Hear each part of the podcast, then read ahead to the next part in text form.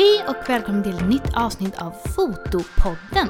Jag som gör den här podcasten heter Maria Ekblad och om du inte har koll på mig sedan tidigare så får du jättegärna gå in och följa mig på min YouTube-kanal där ni kan se behind the scenes om hur jag fotar och just nu hur jag håller på att göra om min studio för jag förbereder en liten eh, omorganisation över vilka fotograferingar jag gör och en liten rebranding. Så gå in och prenumerera där om ni inte redan gör det.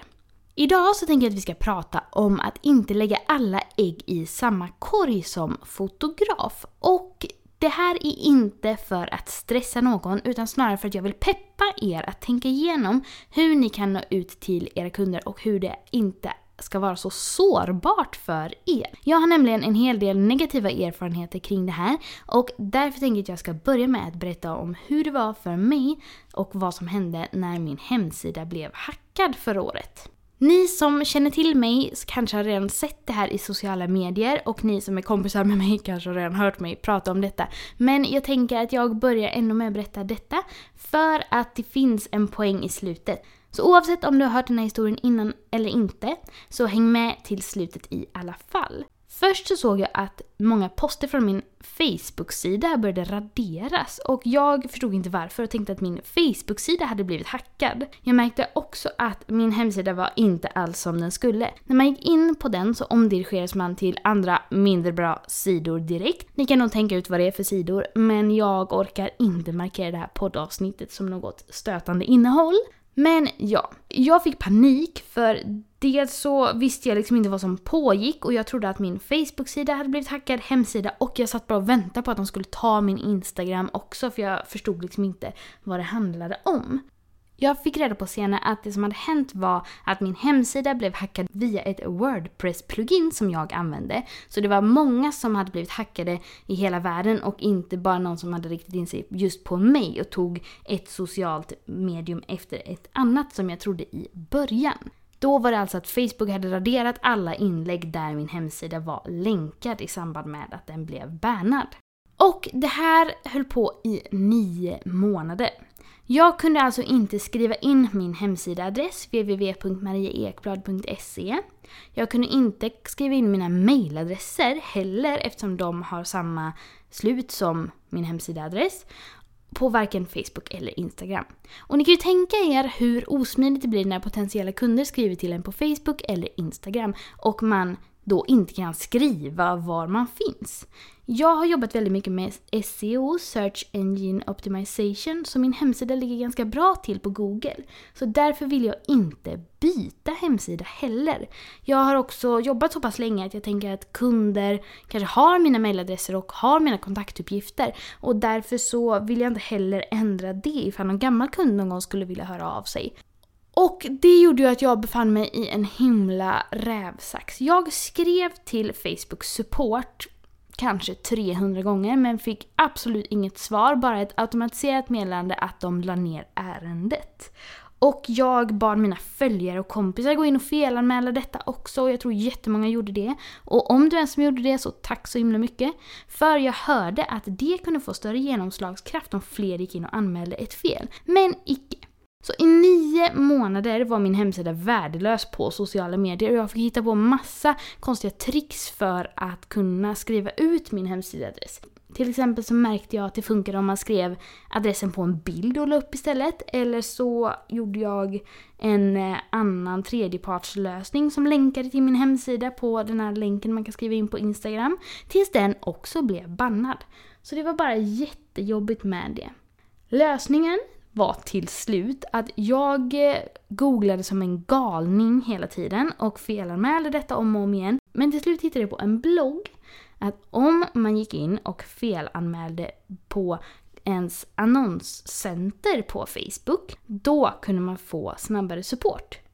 Så eftersom Facebook är ett företag och de vill tjäna pengar så gick jag in på mitt sånt annonscenter för min Facebook-sida Fotograf Marie Ekblad och fick då kontakt inom 24 timmar. Jag skrev då att Hej Facebook, jag kan inte annonsera. Jag vill kunna betala er för annonser och det funkar inte. Snälla hjälp mig. Och då var min hemsida obärnad inom typ två dygn. Så ja, man kan ju ha mycket åsikter om detta. Det är det enda sättet att få Facebooks uppmärksamhet tydligen. Men efter nio månader så var min hemsida inte längre bannad på Instagram och Facebook. Men jag har också hört andra historier av kompisar där de inte kan annonsera som de vill på Facebook. De kan inte byta namn som de vill. Och det är lite därför jag vill lyfta detta ämnet idag. För jag vill påminna om att Facebook och Google och alla de här företagen som har de sociala plattformarna, det är ju jättestora företag. Och vi är ju egentligen bara små, små personer som inte kan påverka detta någonting alls. Så till exempel, om man tittar på det sociala mediet Vine som var som en videoplattform. Den var ju jättestor men vad jag har förstått som så lades ner väldigt snabbt. Och personen som hade hundratusentals följare, det var plattformar som bara försvann. Så det är ju lätt att tänka på ett sätt att alla de här stora företagen är väl här för att stanna och det kanske inte är så troligt att det händer någonting med Google eller Facebook. Men vad har du för plan om det gör det? Jag ser många som diskuterar i olika Facebookgrupper för fotografer. Liksom, vad är viktigast? Är det att ha en hemsida eller Facebook och Instagram? Och jag vill därför uppmana er alla att inte lägga alla ägg i samma korg. Det enda som du faktiskt äger och har full koll på är ju faktiskt din hemsida och om du har en maillista för dina kunder. Så om du inte har det så vill jag verkligen uppmana dig till att börja med det direkt. På din hemsida kan du få plats med så mycket mer information än vad du kan på sociala medier också och den kommer ju finnas kvar så länge du betalar för den.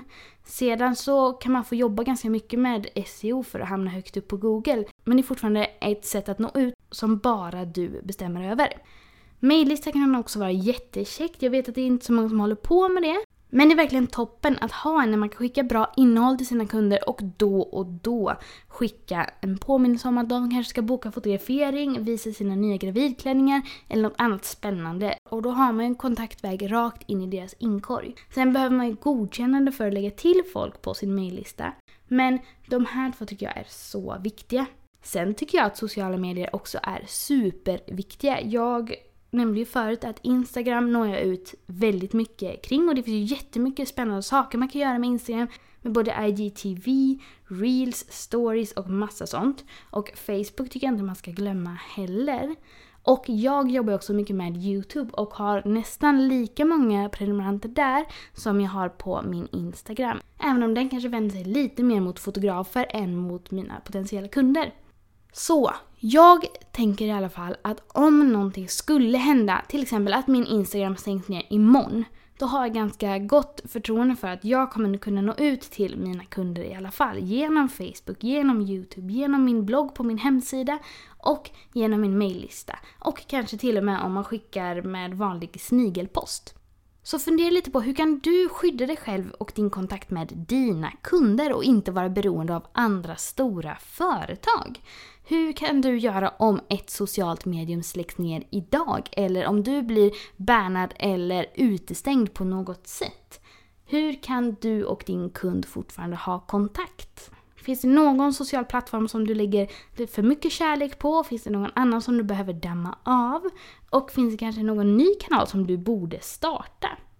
Man får ju välja vilka kanaler man helst vill jobba med och kanske tänka på att inte satsa på alla samtidigt så det blir för tunt innehåll på de olika kanalerna.